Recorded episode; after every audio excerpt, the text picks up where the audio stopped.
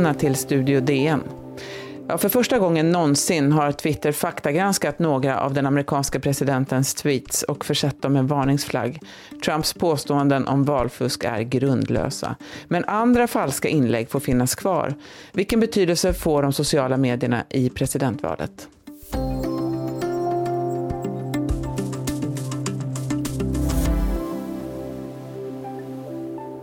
Ja, ända sedan valkampanjen 2016 har ju Twitter varit Donald Trumps främsta kommunikationskanal.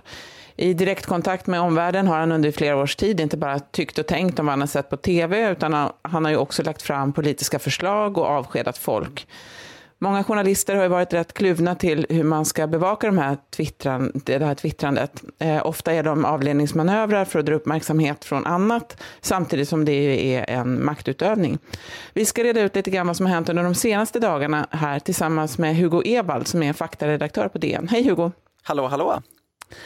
Ehm, det förekom ju, om vi börjar där, inte bara från Trumps sida, utan det förekom ju väldigt mycket osanna uppgifter på Twitter. Ehm, och pressen på sociala mediebolagen har varit rätt stor att eh, stoppa spridningen av lögner och påhitt och så.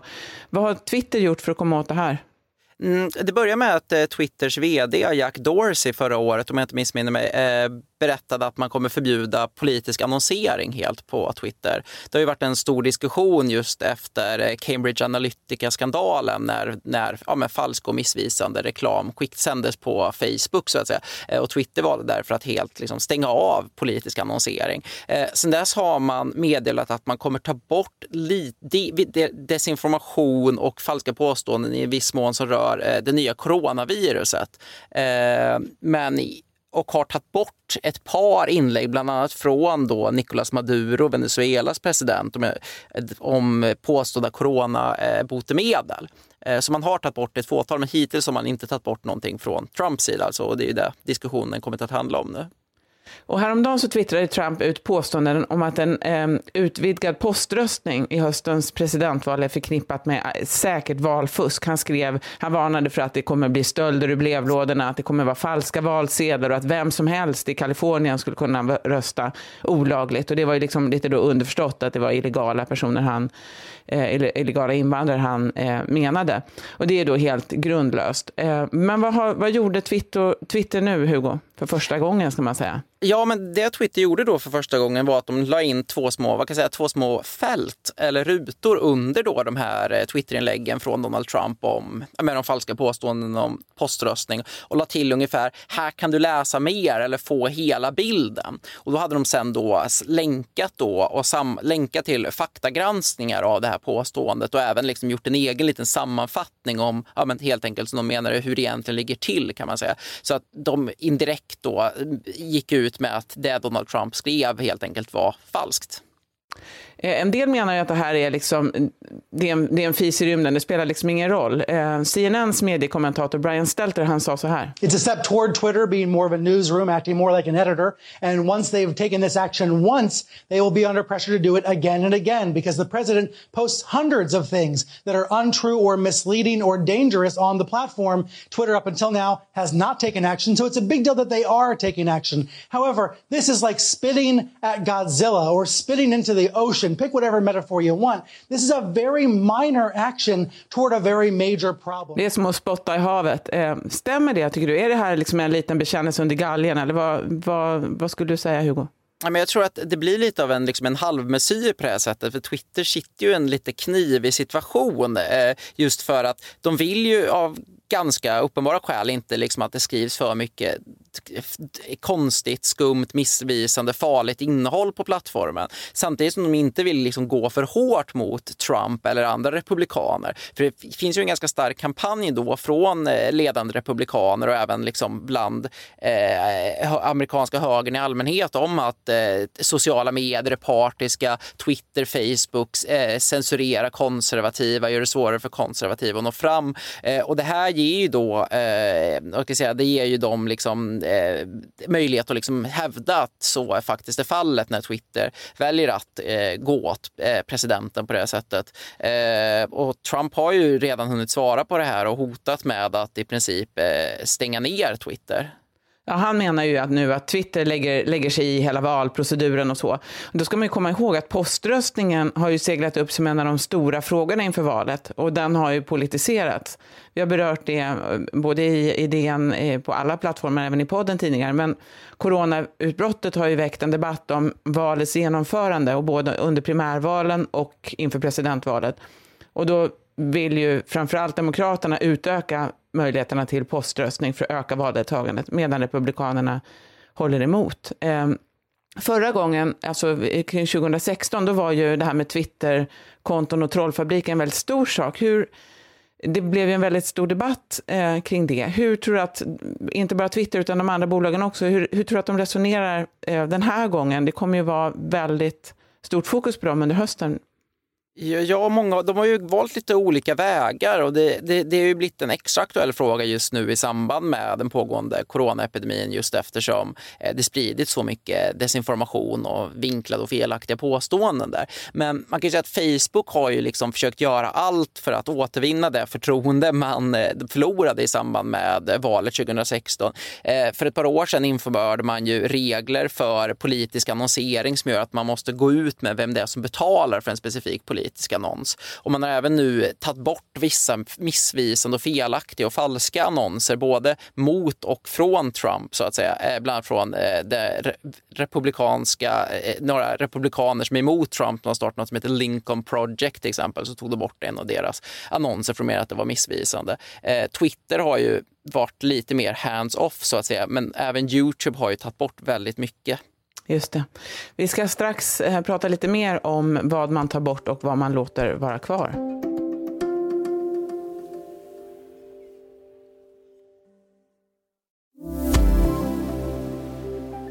Ja, frågan om Twitter har ju också kommit upp i samband med en annan mycket märklig historia som också involverar Donald Trump. Han har en lång eh, ska vi säga, relation med en man som heter Joe Scarborough som satt i representanthuset för Republikanerna i början av 2000-talet för ett distrikt i Florida. Eh, I juli 2001, i slutet av den här tiden, då hade Joe Scarborough redan bestämt sig för att sluta. Då eh, dog en av hans praktikanter eh, i Florida. Hon, var, eh, hon svimmade och ska ha slagit i huvudet. Den här olyckan, eh, den här döds, det här dödsfallet rubricerades som en olycka och man kunde hitta ett tidigare okänt hjärtfel på henne. Joe Scarborough själv var i Washington DC när det här hände. Eh, sen gick han vidare i sin karriär och blev så småningom programledare i MSNBC eh, och leder sedan många år tillbaka ett morgonprogram som heter Morning Joe tillsammans med Mika Brzezinski, som han för övrigt eh, är gift med. Eh, det sänds från New York i NBCs studior där i Rockefeller Center. Där, där har jag för övrigt varit en gång och intervjuat dem. Eh, och hon är ju också för övrigt syster till eh, Mark Brzezinski som var ambassadör i Sverige under ganska många år. Ehm, under valkampanjen i alla fall 2016, då hade Trump ganska stor hjälp av det här morgonprogrammet Morning Joe. Han var ju New York-kompis kan man säga med eh, Joe Scarborough och Mika Brzezinski. De träffades då och då.